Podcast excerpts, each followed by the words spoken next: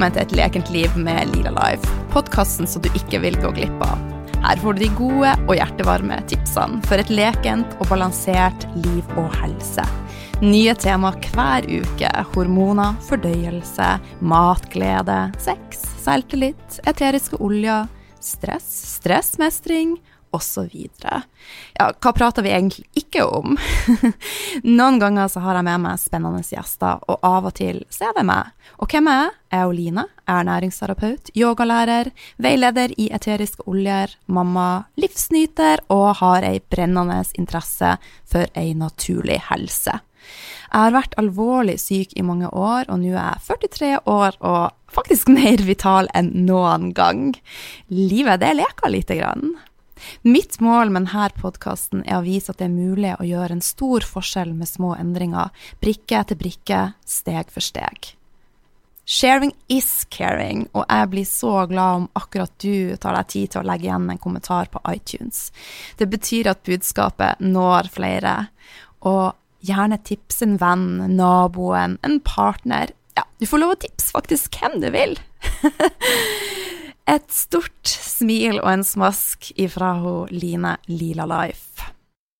I dag er jeg så heldig å ha med meg en fantastisk inspirerende og kunnskapsrik mann som gjest.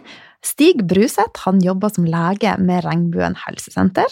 Han har skrevet flere bøker, masse artikler og vant i 2013 Brobyggerprisen Fritt helsevalg. I dagens episode skal vi primært snakke om faste. Så kan det jo være at jeg lurer inn noen andre spørsmål hvis vi får tid. Jeg er veldig nysgjerrig. Så hjertelig velkommen, Stig. Det er stor ære å ha deg med her i dag. Tusen takk, det er hyggelig å være med. Ja. Du, aller først, hvordan starta du dagen din i dag?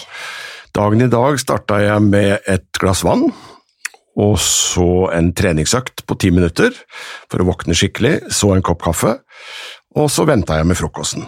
Ja. Når du trener da, ti minutter, hva trener du? Ja, tre, jeg har to programmer som jeg skifter på.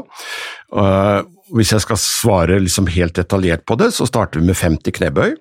Når du ender opp med å gå opp på tå og ta armene bakover, så du får med baksiden av armene også. Og så eh, 40 eh, sidebøy sittende på en, et teppe, eh, så får få med rotasjonsmuskulaturen i magen. Mm. Eh, og så eh, legge seg flatt ned på gulvet, og så ta både bein og kropp opp 20 eh, ganger.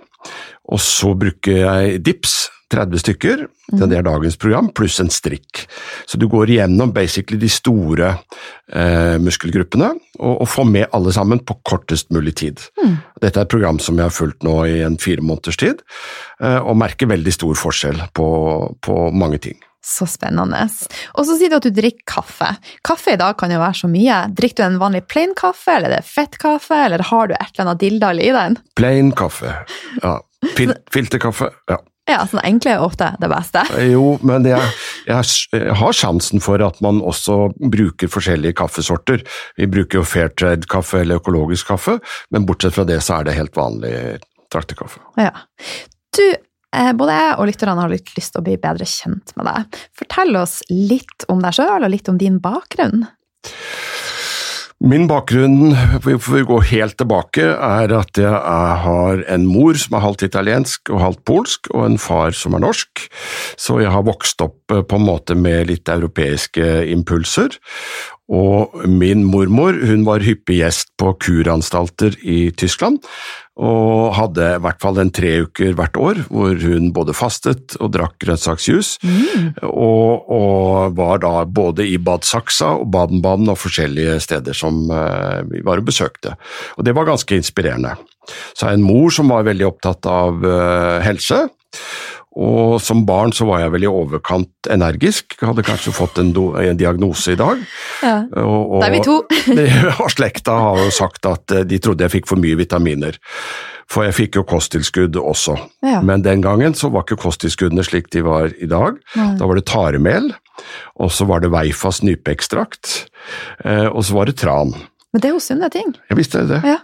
Så, så, du kan si at jeg fikk det litt inn med, med morsmelka, da, å være opptatt av, av, kost og helse. Så spennende.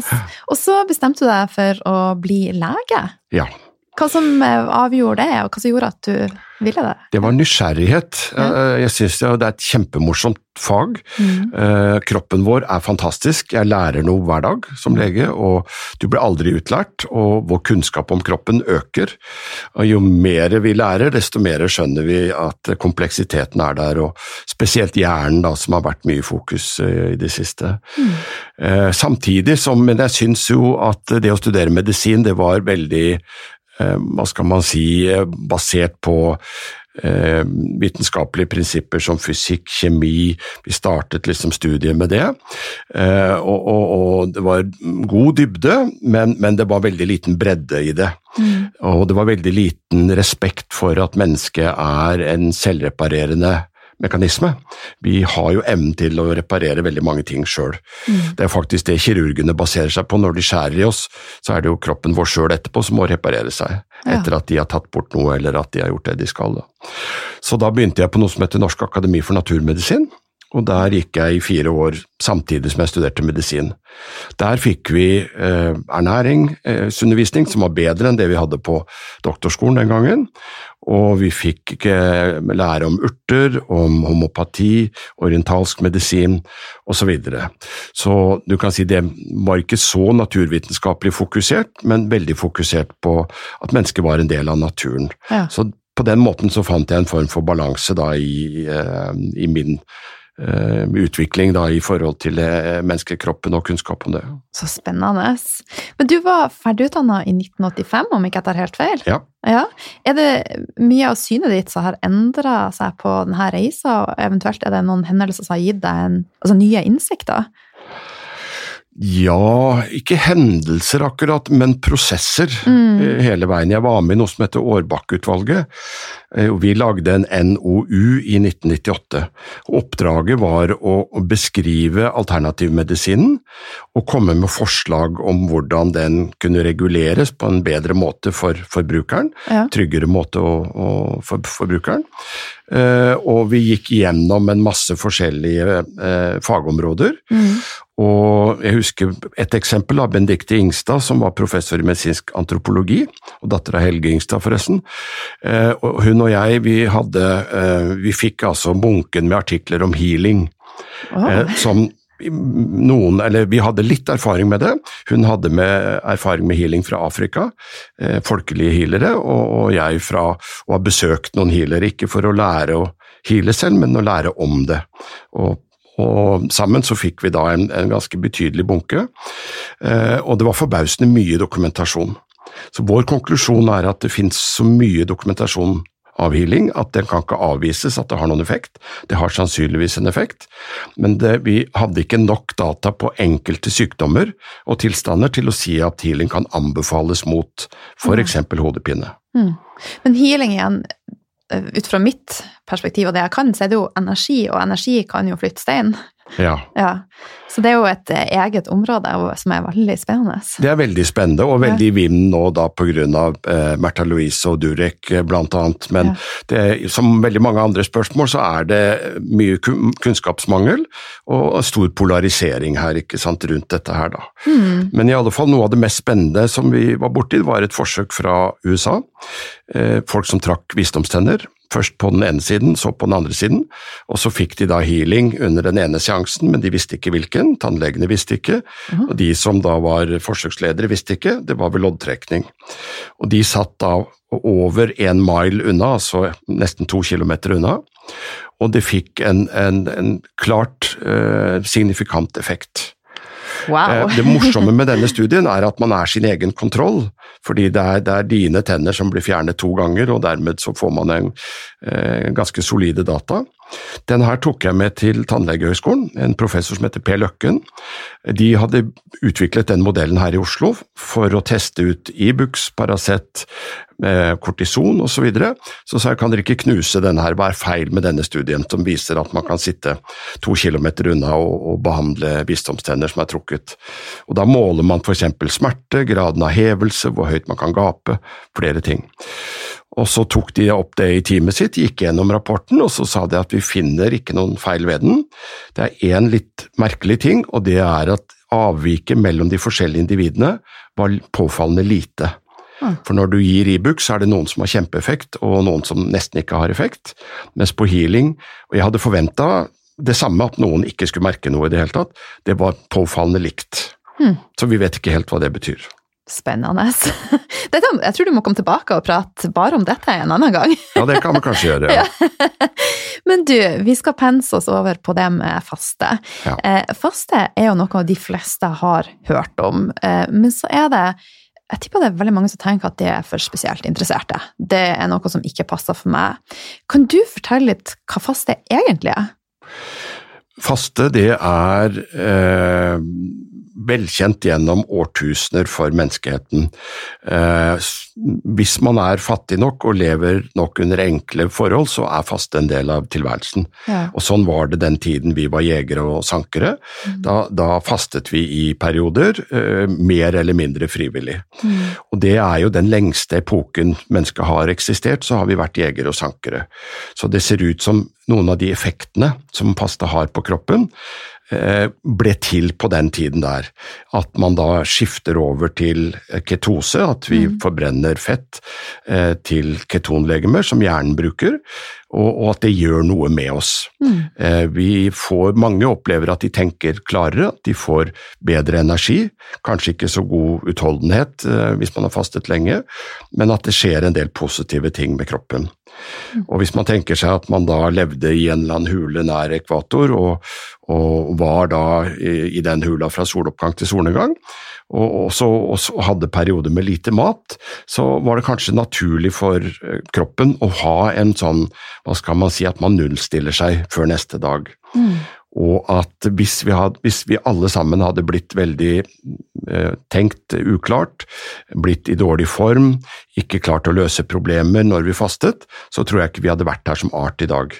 Ikke sant? Da hadde vi sulta i hjel inne i, i hula, vi hadde ikke orket å skaffe oss mat. Nei. Så den boosten som faste kan gi, det, det, det, det har en del positive effekter også. Ja. Men finnes det flere varianter av faste? Er det noen som er mer tilpassa det livet vi lever i dag, f.eks.? Det finnes utallige varianter av, av faste, og det har det vært opp gjennom historien også. Som, og, og um, en av de mest kjente, eller noen av de mest kjente, det er den religiøse fasten.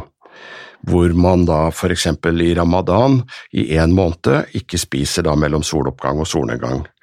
Eh, Vi har den kristne faste, som fastelavn er oppkalt etter. og- Der vi spiser boller og gjør det motsatte av det vi egentlig skal gjøre? det er etter fasten. Ja, okay. Det er når fasten er slutt, da spiser vi boller. Og, det heter, og det er, de har en dag som heter fetetirsdag. Ja. I USA så har de noe som heter Mardi Gras, som, som er eh, den franske delen av USA, i Louisiana og spesielt i New Orleans. En stor fest eh, hvor, hvor man peirer at fasten er over. Eh, karneval, eller karnivale, betyr at, eh, at det er slutt på kjøttet. Eh, og det har masse ord og begreper som, som viser at vi, vi, eh, vi er kjent med fasten opp gjennom lang tid. Men jeg tror den religiøse betydningen av faste er at man skal kjenne på sine behov, eh, kanskje ikke ta maten som en selvfølge, være takknemlig for den maten man har på bordet, og, og at det er en mental prosess i det å faste også. Mm, og det tenker jeg jo at det er veldig mange i dagens samfunn som har nytte av, for at Ja. maten i dag tar vi som en stor selvfølge. Og det har jeg pratet om i tidligere episoder, at unger vi, de vet ikke hva pølse er laga av, eksempel. Og det er jo utrolig trist. Og da vil jo faste på en måte gi tid til refleksjon, og så kjenne på egen kropp. Hvordan har jeg det med dette? Hvordan føles uh, magen min nå? Hvordan fungerer eh, jeg når jeg spiser mindre? Det er den mentale biten, og så har vi den fysiske biten med, med å faste. Det er ikke alle som syns det er like lett.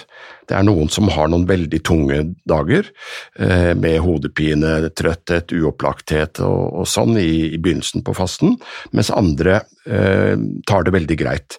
Og det har, tror jeg, med hvor enkelt man er til å skifte metabolismen over fra karbohydrat, som de fleste spiser mye av, og over til å forbrenne da eget fett, som man gjør i fasten, og, og, og eh, produsere ketonlegemer. For noen tar det litt tid.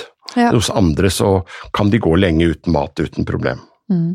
Men jeg tror mange tenker at faste er noe vi gjør over en lengre periode. Men den fasten som du sjøl føler nå, den heter periodisk faste. Kan du fortelle litt om det? Ja, de tradisjonelle fastene, det var jo som vi snakket om, eh, den religiøse. Og så har man den eh, som tyskerne kaller for heilfasten, hvor man behandler sykdom. Og det er spesielt revmatiske sykdommer, og det er spesielt allergier, mm. og noen eh, eh, psykiske tilstander også, hvor man har testet ut faste. Ja. Og programmet Schrødingers katt, det kan man google, og, og, og sammen med faste, mm. de hadde et innslag om at man brukte dette for, for uh, psykiske diagnoser. Ja. Uh, men her skal man også være veldig forsiktig, for faste kan være et ganske potent redskap helsemessig sett, men også ha noen bivirkninger. Ja, Og hva er de bivirkningene? Nei, Det kan være at man, eh, hvis man f.eks. har tendens til spiseforstyrrelser, mm. eller har en psykisk lidelse hvor anoreksi er en del av problemet, mistenksomhet overfor mat, mm. eh, at man er paranoid i forhold til at det er farlig å spise, så, så kan faste være uheldig. Og da tenker du alle typer faste? Da tenker jeg at at man ikke skal faste på egen hånd. Ja. Man kan bruke visse former på faste, men man må ha en oppfølging av helsepersonell. Mm. Og Det gjelder også hvis man har diabetes med ustabilt blodsukker, og, og, noen andre tilstander. Hvis man har kreft f.eks., så er det jo noen typer faste som er anbefalt for kreftpasienter. Det er noe som heter Broys faste, men det er også tveget sverd. Mm. Ikke sant? Hvis man i utgangspunktet sliter med lav kroppsvekt, ja. dårlig appetitt, eh, ikke nok eh, energi til å, å, gjennomføre behandlinger eller ha et fungerende immunsystem, så, så syns jeg ikke man skal faste og, og, ta dette her opp da med helsepersonell, mm. hvis man ønsker det. Mm. Men litt tilbake til den periodiske fasten, da. Kan du fortelle litt om hva det er for noe? Ja, altså faste Jeg har lyst til å bare nevne én ting til eh, før, før, vi går på det. Ja. Det, er, eh, det handler om hvilken ramme man setter faste innenfor. For vi mennesker vi er ganske flinke til å snu om i hodene våre mm. og tenke andre annerledes om en ting. Så for eksempel hvis du er politisk flyktning, mm. der er det jo noen som har brukt sultestreik som våpen. Og da er det stort sett å ikke spise og drikke bare vann. Mm. Eh, og det var faktisk noen eh, Det har vært personer som har dødd av faste på, på 40 dager og pluss, da. Men la oss si at du er flyktning fra Afghanistan eh, sultestreiker en ukes tid, så er de fleste veldig dårlige. ikke sant? Du må støttes av helsepersonell, og det er snakk om hvor farlig dette er. Hvis du drar på eh, Finnskogtoppen eller en helseheim og ønsker å faste frivillig, så setter du en annen ramme rundt det. Og de mm følelsene du da kjenner, det er, blir positivt ladet. Så de fleste forteller da om at de får mer energi, de føler at kroppen er renset, de er klarere i hodet. Det er masse positive ting. Ja. Det kan nesten sammenlignes med f.eks. hvis du har treningsverk, så vil de fleste liksom tåle det ganske bra og tenke at ja, ja, nå kjenner jeg at jeg har en kropp. Men hvis de har fibromyalgi eller revmatisme, så vil smerter i kroppen bety at ok, det er det sykdommen som, Eh, så, så, Det er også et eksempel på hvordan man kan, kan, eh, Hvis man får vite at det du har ikke er farlig, så er det lettere å bære det. ikke sant? Mm, det det, tankene har så mye å si? Tankene har veldig mye å si. Ja. Men så tilbake til da, den periodiske fasten. fordi eh, i dag så er jo noen av hovedutfordringene våre det er livsstilssykdommer. Mm. Det er NCD, heter det på engelsk, Non-Communitive Diseases. ikke sant? Det er ikke smittsomme sykdommer. Og Da er eh, høyt blodtrykk, hjerte-karsykdom, diabetes, overvekt, det er jo en del av de liksom mest. Autoimmune sykdommer? Ja, autoimmune sykdommer. Ja. Og da ser det ut som faste har en veldig god virkning på disse tilstandene også. Det skjer noe kjempemange spennende ting i kroppen som vi kan komme tilbake til. Ja. Ehm, derfor så burde vi bruke faste mer i medisinen. Det er eh, lite bivirkninger, stort sett. Det er billig. Eh, og det er effektivt overfor en rekke forskjellige sykdommer. Mm. Men det kan være vanskelig å gjennomføre. Og den periodiske fasten den går ut på at man enkelte dager eller tider på døgnet ikke spiser. Ja. Og da, når man ikke spiser, så belaster man ikke fordøyelsessystemet. Man belaster ikke utskillingsorganene, man belaster ikke leveren så kraftig, og, og det ser ut som om da mer enn 12 timer bør man, hvis man skal liksom få effekt, og 13-14 timer eh, syns jeg personlig er det mest interessante og lettest å gjennomføre. Det du snakker om nå, er jo det som kalles spisevindu. Altså det, den tida man ikke spiser, og den tida man spiser da. Men du opererer med det som er 14 timer. Ja. Forklar litt mer for de som ikke har hørt om akkurat dette. Ja, med 14 timers faste så har du 10 timers spisevindu. Ja. For da blir det et døgn, ikke sant. Ramadan, som jeg nevnte, der er det faste fra soloppgang til solnedgang, eh, som ca. 12 timer. Eh, det er mens du er aktiv eh, og på jobb, og fordi at noen får litt problemer hvis de går lenge uten mat, så er det jo diskutert dette med hvis du er eh, pilot eller drosjesjåfør eller noe, hvor gunstig det er, ikke sant, og da gjør man unntak. Hvis man faster om natta, så sover vi jo forhåpentligvis åtte timer ca. og da er fettforbrenningen i gang, og prosessen er ganske langt kommet til denne utrensningen. Og det ser ut som åtte timer er litt for kort tid, så hvis man da lar være å spise kanskje to timer før man legger seg og to timer etter, eller fire timer etter man står opp, så, er, så har man gjennomført en 14 timers faste. Men da, hvis man skal sette i gang med dette, kan man da starte med et større Altså, altså at man starter da eksempel med en frokost eh, klokka ti, og at man avslutter åtte, og så forkorter man dette etter hvert, at man tar det litt gradvis. Vil det være lurt? Det kan man gjøre. Man Ja. kan starte med 12 timer, Ja. eh, og så legge på til 13 og 14. Men igjen så er det veldig forskjell på, på folk. Eh, Det som er et lite sånn paradoks her, og, og litt spennende, det er jo at mange har jo vokst opp med og lært at frokosten er det viktigste måltidet. Ikke sant? Og noen sier da at man skal spise frokost som en konge, og, og lunsj som en greve, og kveldsmat som en fattig mann, ikke sant. Men, men det er ikke så mye forskning som egentlig støtter opp under dette her, at, at det skal være sånn. Men det var naturlig fordi at eh, mange hadde kroppsarbeid og, og ikke så lett tilgang på mat, så da var det naturlig å legge liksom, vekt på frokosten. da. Men så har du, hvis mange som hører på dette kanskje spør seg selv er jeg sulten når jeg står opp, så vil en god del svare til seg selv nei, jeg er faktisk ikke det, jeg kan godt vente litt. Og hvorfor ikke gjøre det? For når man da venter og hopper over frokosten, så er denne prosessen i gang allerede. Og så spise frokost klokka 11 for eksempel. Ja. Og da kan man spise frokost, øh, en kraftig frokost hvis man vil, og en kraftig lunsj, og så litt mindre igjen på, til middag og kvelds. Men denne på en måte balansen mellom de måltidene man spiser, der tror jeg det er individuelle hensyn å ta også. ja, for vi er jo alle forskjellige. Alle er forskjellige. Ja. Og det er jo det som er så øh, lite eh, verdsatt da, i ernæringsdebatten, er at vi diskuterer kosthold som om det er ett kosthold som passer for alle mennesker. Er lavkarbo best, eller er høyfett best? Er øh, øh, grønnsaksbasert best? Og der tror jeg faktisk at vi, vi er veldig forskjellige.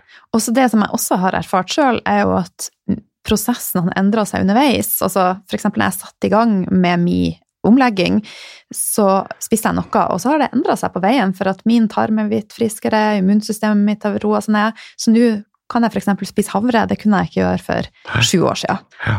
Så det er jo det er så spennende, men man må være åpen og ha et åpent eh, blikk for at det endrer seg. Ja, og som du uh, gir et godt eksempel på, man kunne lytte til kroppen sin sjøl. man må liksom tenke Kjennes det, dette bra ut for meg, eller gjør det ikke det? Og man kan leve som vegetarianer. Jeg har vært vegetarianer i noen år, uh, og hvis du spør meg, det var veldig mye bra med det, så jeg, og jeg har mange venner som er det fortsatt, så det er ikke, jeg har liksom ikke noe problem med det, men for meg var det ikke riktig. Nei. Så, øh, og, og, og sånn, kan, sånn kan det være. Og vi har et øh, eh, kostholdskurs ute hos oss eh, som går på livsstil og overvekt. Og da er mener jeg på Regnbuen helsesenter. Eh, og etter en stund, når vi begynner å legge om kostholdet, så begynner folk å lytte til kroppen sin. Det er en del av en av oppgavene de har. Så etter jula, for eksempel, jeg har ikke noe forbud om å spise kaker eller noe sånt, da, jeg, da spør jeg folk spiste du noen kaker i jula? Og så svarer de fleste ja, det gjorde jeg. Klart jeg må jo unne meg det. Og så spør jeg hvordan følte du deg da? Og ni av ti sier jeg følte meg så dårlig. Jeg følte meg uopplagt, det skjedde noe med magen, eh, og da betyr det at da kan du begynne å stole på, på kroppen og kjenne litt hva som er bra eller dårlig for deg. Jeg tror hvis du lever på veldig usunn kost, så funker ikke det systemet. Du Nei. vet ikke helt når du er sulten, eller om det er ekte sult, eller om det er bare et sug etter søtt eller noe, og, og du vet ikke hva som er bra for deg, for du kjenner det ikke. Så jeg er helt enig, det kan trenes opp, og det man kan man stole på etter hvert. Mm. Men du, hvis jeg da nå skal sette i gang med periodisk faste, hvor starter jeg hen? Hva gjør jeg? Hvis du kom til meg da som pasient, og vi satt og begynte en samtale her, så prøver jeg å spørre først eh, hvordan reagerer du når du ikke får mat på en stund. Og litt avhengig av svaret da, så, så diskuterer vi liksom hva slags type eh, faste det som passer. Det er jo noe som heter 5-2-fasten, som eh, Michael Mosley, den engelske legen som har programmene på BBC, han skrev en bok om det, og det er at man to dager i uka spiser 500 kalorier, og, og, og så spiser man normalt resten. Det syns jeg er en bra metode, det er ganske enkelt å forholde seg til, men jeg syns periodisk faste er enda enklere å forholde seg til. Og du har jo sjøl hatt enormt gode resultater Ja. med periodisk faste. Kan ikke du fortelle når du starta, og hvordan det utarta seg? Ja, det var overraskende. Altså, Ja. tidligere så, Nå er det mange år siden jeg har fastet, og tidligere så gjorde jeg det som en del av en, en tredagers eller en femdagers opptil syv dager, en kur, for å på en måte rense kroppen. Eh, og, og det er mange som er opptatt av detox, at det, man skal putte i seg spesielle matvarer eller drikker eller urter, men kroppen har en fantastisk evne til detox selv også. Og for å la den gjøre det, så uh, syns jeg at man godt kan gjøre det hver dag. En sånn tredagers fast en gang i året syns jeg er rett og slett ikke sammenlignbart med å gjøre det hver dag. Nei.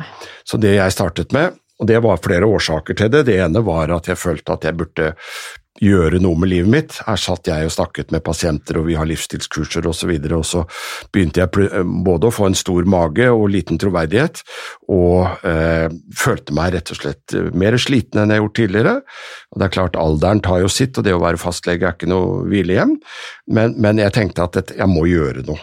Så i midten av juni så startet jeg et program eh, for meg sjøl. Og da det bestod av eh, 14 timers faste, og spise 10 timer i døgnet. Og de ti timene i døgnet så begynte jeg å kutte ut alt unødig. Jeg tenker på, jeg spiste ikke softis i sommer, jeg drakk kanskje to øl i løpet av hele sommeren, eh, gjorde en god del sånn eh, grep i de ti timene òg, mens, og det vet vi ikke helt, hvor usunt kan du leve i de ti timene?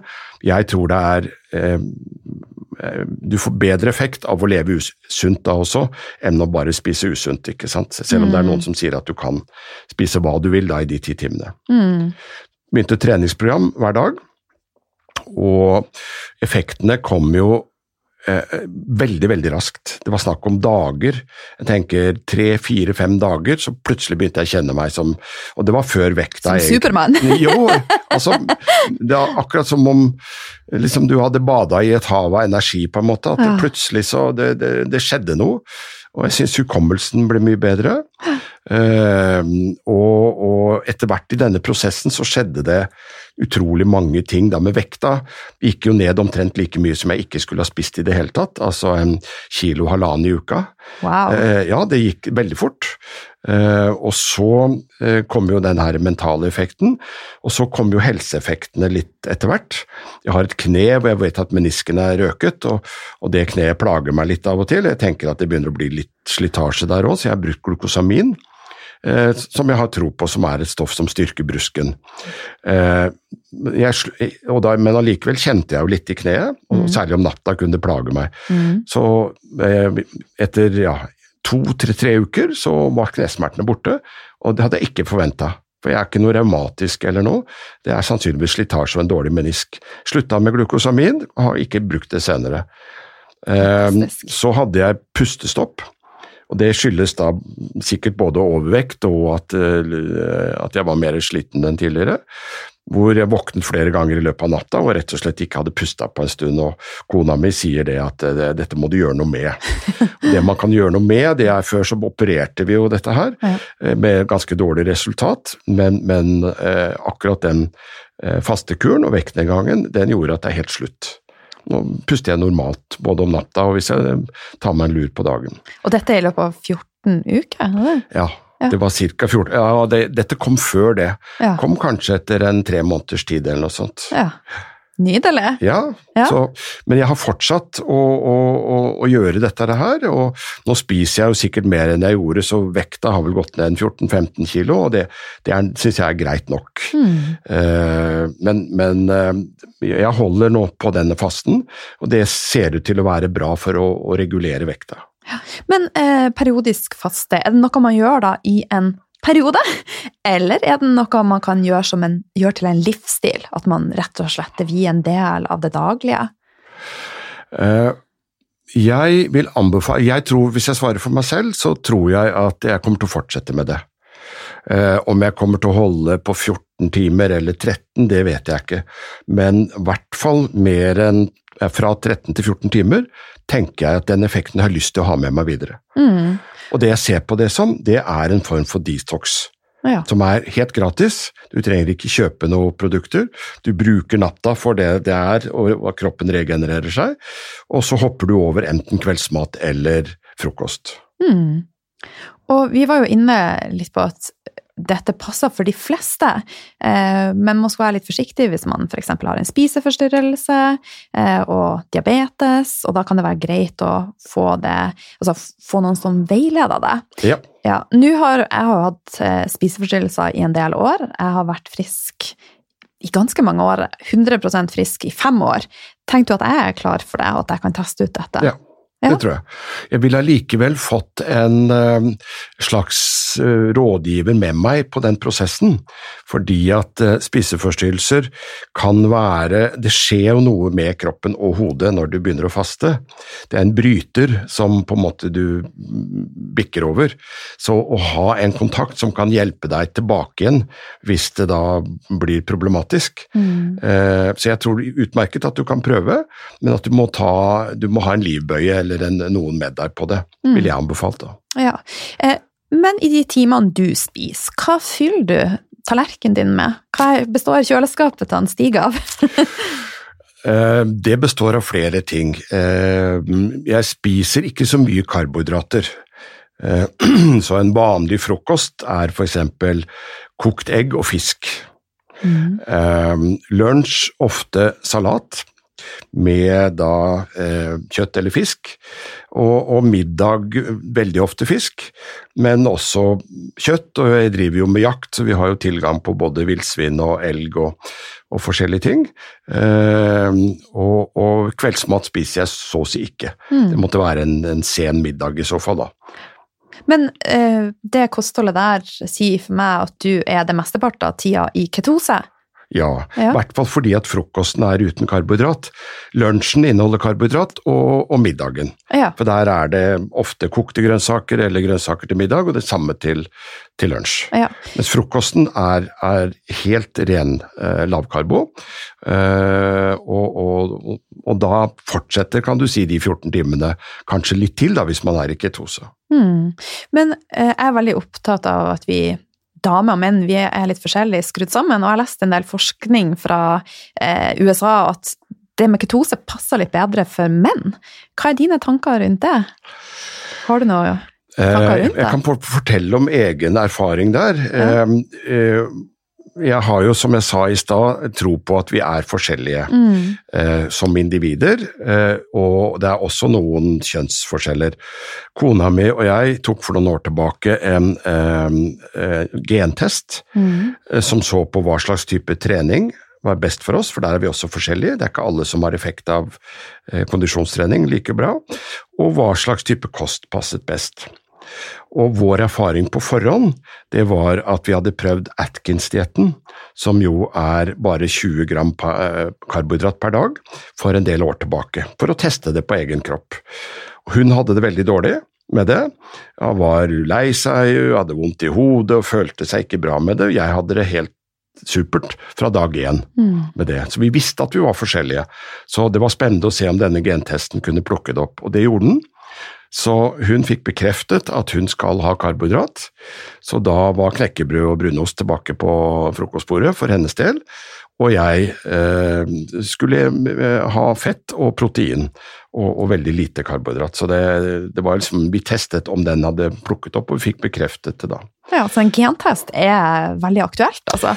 Ja, det baserer seg det, Opprinnelsen var en studie i USA hvor man tok da noen hundre personer, og etter loddtrekning så fikk de et kosthold som enten var ekstrem lavkarbo, moderat lavkarbo, vanlig kost, men kaloribegrenset, og lavfett. Og så så man på hvordan det gikk med de. Og så etter et halvt år så kom lavkarbo best ut når det gjelder vekttap. Ja. Så, så langt så kunne man liksom bare stoppe historien og sa at det var enda en studie som viste at lavkarbo er effektivt. Men hvis man går inn i tallene, så ser man at forskjellen var ganske liten mellom gruppene. Så det var ikke sånn at lavkarbo lå flere runder foran.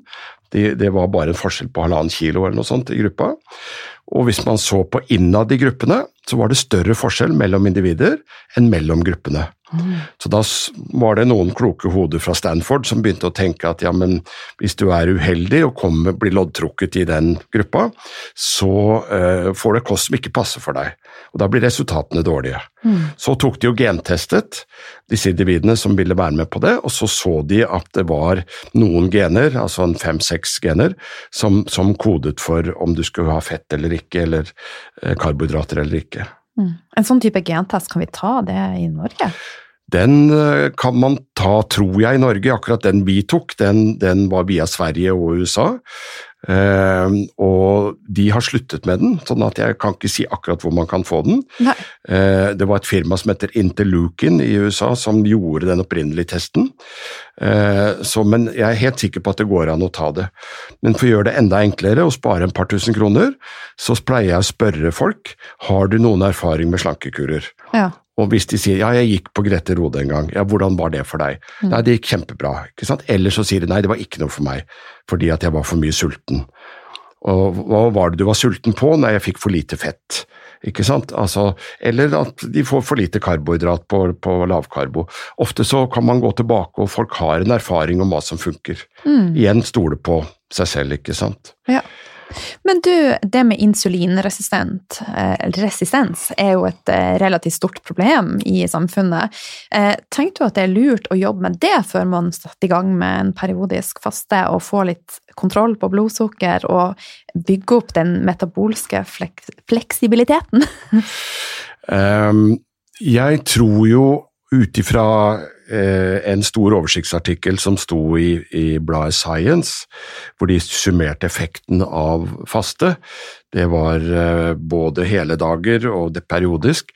Så er insulinresistens en av måtene man raskest bedrer det, det er å, å faste.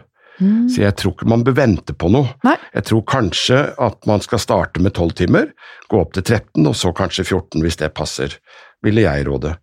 Dessuten, det treningsprogrammet som eh, jeg fortalte om i stad, ti minutter tar det, eller litt under ti minutter.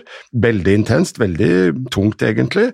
Det er en kjempefin kur mot insulinresistens også, fordi at muskulaturen begynner da å ta opp næring mye mer effektivt enn ellers. Jeg tror veldig mange er der at de tenker at jeg må på et treningsstudio, jeg må ha nye joggesko, jeg må ha ditt og jeg må datt. Og jeg har også sånn som du jeg trener hjemme. Jeg sniker inn ti minutter her og der. Ja. Og det er så lurt. Ja. Vi trenger jo ikke mer. Nei. Eh, og de timene, Man trenger litt mer kondisjonstrening, tenker jeg. Så etter at vi er ferdige her i dag, så skal jeg på skitur. Mm. Så i, en gang eller to i uka så bør man ha litt eh, Det er jeg enig i. Ikke sant også. Men, men akkurat for å aktivere muskulaturen, så er det forbausende lite. Så det er jo forskning som går på hvor lite er det egentlig vi trenger. Mm. Og vi er nede på under ti minutter også, hvis man gir kroppen maksimal belastning, enten på en eh, ergometersykkel eller eh, styrketrening trening. ikke sant? Mm. Vi er nede i fire repetisjoner med full styrke, for å få, da får du med alle muskelfibrene.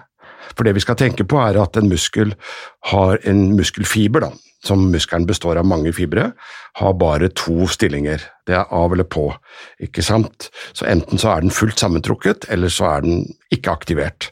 Så forskjellen på å løfte med 50% styrke og 100% styrke, det er hvor mange av disse muskelfibrene du ber om man skal jobbe. Så hvis du trener med bare 50 eh, belastning, så aktiverer du bare 50 av muskelfiberen om gangen. Mens hvis du tar noen ordentlig tunge drag, så får du med alle. Mm. Og på vårt eh, helsesenter så har vi integrert trening i konseptet vårt. Og vi har holdt på med tung styrketrening av folk oppe i 80-årene, eh, og, og de får fantastiske resultater. De blir ikke 20 igjen, men prosentvis er framgangen like bra som et ungt menneske. Fantastisk. Ja, veldig, veldig eh, fint. Men svaret er direkte da. Du trenger ikke treningssenter, men hvis det gjør at du har lettere for å, å, gjennomføre treningen, så må du bare gjøre det. Det er ikke noe feil med å gå på treningssenter.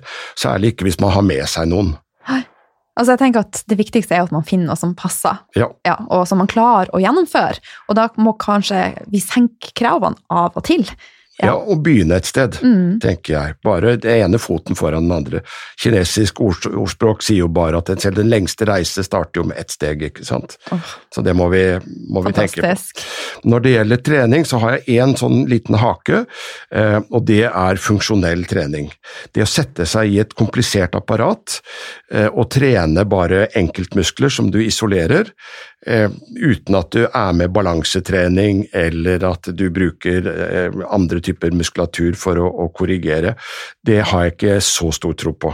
Nei. Så funksjonell trening, det er da har du balanse, eh, og du har kraft, og du aktiverer mange muskelgrupper samtidig. Det er på en måte det jeg tror mest på, da. Hmm. Bra. Du er jo en matelsker, og eh, har stor glede av mat i hverdagen. Vil det være vanskelig, vanskeligere for en som meg å gjennomføre en sånn faste, eller kontra en som tenker at mat er kun brensel? uh, jeg har sett begge deler. Uh, uh, jeg har kollegaer og venner som spiser veldig ensidig. Eh, hvis de følger f.eks. et ketosekosthold eh, eller lavkarbokosthold, bare smørpakker og sånne ting, og det er ikke nødvendig. Så jeg tror at er man matelsker, så er det lettere å lage god mat, og det finnes utrolig mange fine bøker nå. Og, og det er lett å få tak i informasjon på nettet, så jeg tror dette bør ikke være kjedelig. Nei. Men det er hver gang man gjør noe annet enn det man vanligvis gjør, så må man bruke litt tid på å få det eh, til å, bli godt, se godt ut og smake godt. Mm. Eh, jeg har jo sjøl fulgt noe som heter den automune protokollen. Kan den f.eks. kombineres med periodisk faste, eller blir det for komplisert? Nei, det tror jeg absolutt. Ja. ja.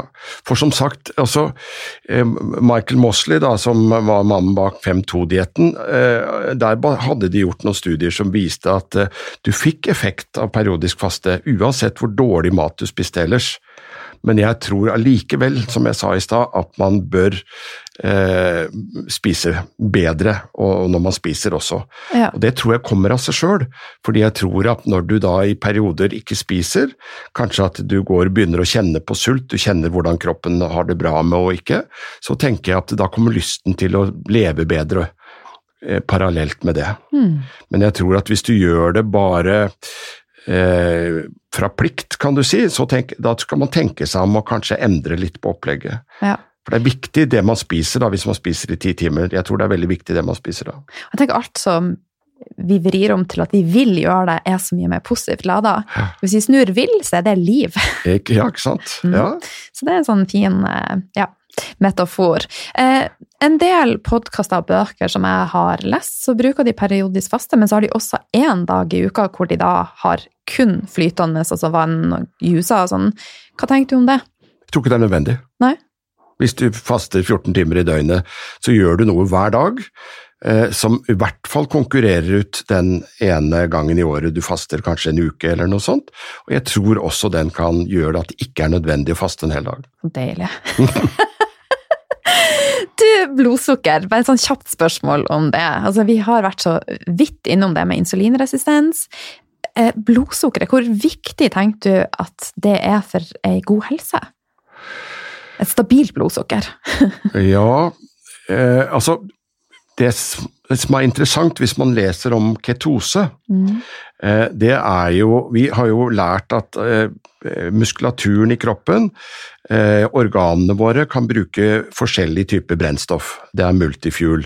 Hjernen er veldig begrenset. Den vil ha sukker eller ketonlegemer.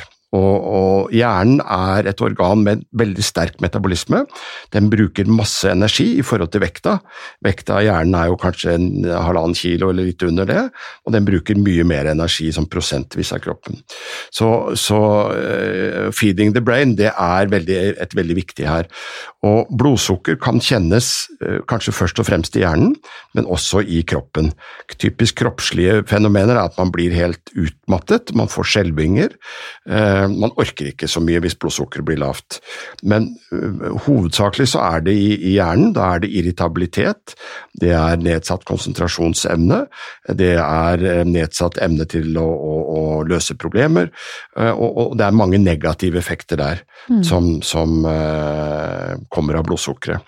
Så jeg tror blodsukkeret er, er, sentralt, men jeg tror som sagt også at hvis man tenker på eh, F.eks. hvis jeg da står opp og spiser frokost eh, en par timer senere enn jeg burde, og etter å ikke ha spist på 14 timer, er i ketose, så har hjernen min det helt fint. Mm. Og, og, og, kroppen også. Mm.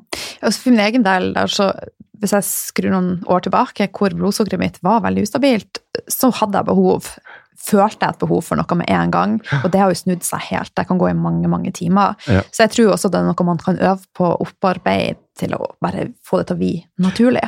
Ja, det tror jeg. Det er en øvelse for kroppen, og jeg tror de som har problemer med blodsukkeret, sånn som kona mi har, hun bør ha mat relativt ofte også. Ja. Ikke sant? Og, og, det ser man jo på barn er jo akkurat det samme, ikke sant. Det, vi har tre gutter, og, og, det var omtrent hver fjerde time. og Gikk det over det, så, så det var ikke bra. Ikke sant? Så jo yngre man er, og også litt sånn forskjellig mellom mennesker, så, så, så trenger noen å spise ofte og lite. Mm. Og det er helt ok. I dette ti timers vinduet som jeg opererer med, kan du gjerne spise annenhver time, og litt mindre. Du behøver ikke ha så store måltider hvis, hvis ikke du vil. Nei. Men nå skal vi Jeg har lyst til å oppsummere litt. Kan ikke du bare ta en liten oppsummering på det med periodisk faste? Ja. De viktigste elementene for repetisjoner. ja. Periodisk faste er den enkleste å gjennomføre. Den kan du gjøre hver dag, slik at du detoxer hver dag. Du kan unngå de lange fastene, behøver ikke noe ekstra ved siden av det. Effekten kommer på under en uke, vil jeg si, skal de fleste merke noe. Ehm, og at ehm, den må tilpasses litt hver enkelt. Ehm, så det er ikke alle det passer for, så man må ha litt tålmodighet. Mm. Hvis man har helseproblemer, alvorlig fysisk sykdom, tenker på kreft, diabetes, eller alvorlig psykisk sykdom, tenker på spiseforstyrrelser eller en alvorlig schizofreni eller tilsvarende, så bør man ikke faste uten å klarere det og gjøre det sammen med en lege, f.eks. Og jeg er ikke sikker på om, om det er så bra for, for, de å faste i det hele tatt, fordi det er, det er, ganske kraftige ting som skjer med kroppen. Mm. Så er det den rimeligste behandling som vi har. Det koster null kroner og, og null øre. Eh, den har eh, veldig stor effekt på det hormonelle orkesteret i kroppen. For når jeg putter mat i munnen, så skjer det noe med insulin og med glukagon og en masse eh, enzymer i tarmen og signalstoffer som går til galle og, og kroppen som helhet. Eh, og det orkesteret Man får på en måte stemt instrumentene i løpet av den eh, 14-timers eh, fasten. Mm. Så, og effekten på livsstilssykdommer, og det er jo det siste som, som forskningen som har vist nå, eh, den er formidabel. Og det er det vi står overfor nå, ikke sant. Finne noe eh, alternativer til medisiner eh, når det gjelder å behandle livsstilssykdommer. Fantastisk. Eh, en annen ting som jeg tenker er viktig her, det er jo søvn. For at veldig mange spiser jo rett før man går og legger seg, og da aktiverer jo vi kroppen. Det er jo det motsatte vi ønsker når vi skal sove. Så periodisk faste vil jo være veldig fint akkurat i forhold til det med søvn. Ja, det er noen som øh, opplever en litt sug i magen hvis det går noen timer siden middag, og da anbefaler jeg at man tar en kopp te.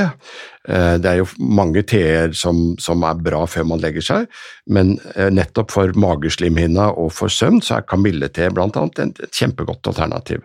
Eh, Og hvis man liker å ha det litt søtt, så kan man bruke stevia, som finnes som suketter også, som er plantebasert og, og ikke har noen alvorlige bivirkninger. Mm.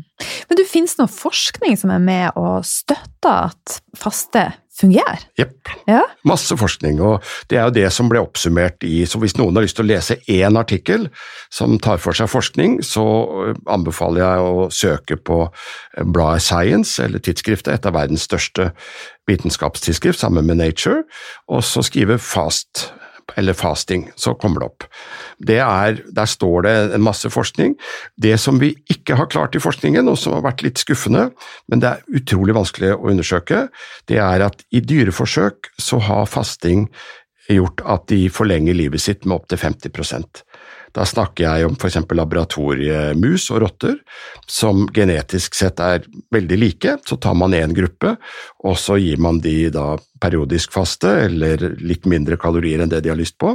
Så kan de leve altså opptil 50% lenger. Det er, det er en, den effekten som er størst eh, av alle tiltak man kan gjøre overfor livslengde på dyr. Men vi har ikke de dataene på mennesket. Nei. Selv om det er indiske guruer som sier om at vi alle har fått utdelt en haug med mat, så vi kan spise alt i løpet av de første 40 åra i vårt liv, eller vi kan spare på det og så leve tilsvarende lenger. Så det, det mangler. Men det er veldig vanskelig å, å, eh, å dele personer inn i, i eh, grupper og følge de så tett. Det finnes noe som heter blå soner i verden, og det er da definert som fem områder hvor de har flest hundreåringer per 1000 innbyggere da enn noe andre steder. De har en del felles eh, i disse kulturene, så hvis man skal tro på det, så er det med å spise mat som er laget fra bunnen av, spise litt mindre eh, enn når man blir stappmett, eh, lurt, og ha et fellesskap med sine medmennesker. Det, er de liksom, viktigste faktorene som går igjen eh, i alle disse kulturene. Mm, Så spennende. Men eh, i forhold til Nå skal vi begynne å avrunde. Er det noe som du tenker at jeg har glemt å spørre deg om, som du vil tilføye, som vil være av verdi for lytterne? Det går litt på min egen erfaring med, med faste. Jeg har jo fulgt med eh, på dette området her i, i, mange år, og kjenner godt eh, Dagny Hovi, som var leder for Tonsåsen tidligere. De publiserte en artikkel i 1991 eh, på effekten av faste for revmatikere. Og de sa at eh, man starter da med eh, noen dagers faste. Og så ser man, hvis man da begynner å føle seg bedre, så introduserte de mat akkurat som om man hadde en matintoleranse. Én matvare om gangen, og så hva som skjedde da, når du begynte å få melkeprodukter f.eks., eller når du begynte å få korn, eller osv. da, ikke sant.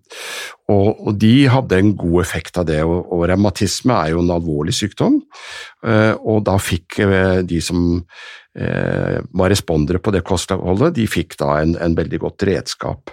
Så folk med revmatisme kan med fordel forsøke både en periode med faste og teste ut kostholdet. Så er det erfaring at eh, allergikere som har vanskelig for å få lindring av medisinene våre, f.eks. i bjørkepollensesongen, som er kjempedårlig akkurat da, der gir vi jo av og til kortisonsprøyte eller kortisontabletter fordi at det er enda kraftigere, men en del bivirkninger. Noen har en veldig god effekt av faste også. Når bjørkepollensesongen og bjørkepollenvarselet står på rødt, at man da tar en faste på noen dager, det kan også være veldig spennende å forsøke, og det kan folk prøve sjøl. Og da med vann? Med vannfaste. Ja. Hm, fantastisk. Jeg er veldig motivert sjøl nå, og jeg nå sier jeg at jeg skal teste ut periodisk faste. Det, det blir utrolig spennende, så det gleder jeg meg til. Eh, er det noen andre bøker som du vil anbefale før vi avslutter? Det er sk skrevet mange bøker om uh, faste. Det kommer en ny bok nå, i januar, på, på Cappelen om faste, med oppsummering av veldig mye av denne forskningen her. Og så er det en tysk lege som heter Andreas Michaelsen, som er, led, eh, han er professor i integrert medisin på et sykehusklinikk i, eh, i eh, Berlin. Han har skrevet bøker om også om heilfaste, mm. som tyskerne kaller det, for de har jo lang tradisjon på dette her. Og han er også intervjuet i det TV-programmet jeg nevnte, som Schrødingers katt har, som han er en av de som vet mest om det. Spennende. Du, det har vært en stor glede å ha deg med. Du er jo et eh, leksikon, og så digger jeg at du klarer å balansere eh, forskning, men samtidig ha et åpent sinn og være åpen for energier. Og det er ikke mange menn som er det. Men jeg tror, tror jeg du er veldig generell her. Ja, jeg er veldig generell. ja, jeg tror er at hvis jeg skal si noe som er en sånn eh, hake for meg, så er det at i, hvis man skal starte en eh, vitenskapsteoretisk utdanning, så i første time så lærer du at du skal møte enhver utfordring eller et problem med et åpent sinn. Ta håndflatene opp og si at det er like stor sjanse for at dette eh, virker som det ikke virker. Mm. Og etter den timen så glemmer de fleste det, og så er de opptatt av å forsvare sine egne standpunkter og bekjempe andres. Mm, veldig viktig. Og, det, og det er, den åpenheten tror jeg er veldig viktig at vi minner hverandre på, også vi som, særlig vi som er leger. ikke sant? For vi har, selv om vi tror det, så har, vet vi ikke alt i dag. Det gjør vi ikke. Hvor kan lytterne connecte med deg, altså hvor treffer de deg? Eh, jeg er ikke så lett å treffe, for jeg sitter jo i min fastlegepraksis, så uh, Og regner med at du har venteliste? Du har kanskje stengte ventelister? Jeg har, jeg har stengte ventelister også. Ja. Så jeg tror jeg skal jobbe mer med disse tingene framover, også mindre som fastlege. Så de må klare seg på egen hånd først, og, men som sagt gjerne da ta kontakt med en i helsepersonell for å få litt veiledning i, til fasten da. Ja. Tusen hjertelig, Stig, for at du var med. Takk for det.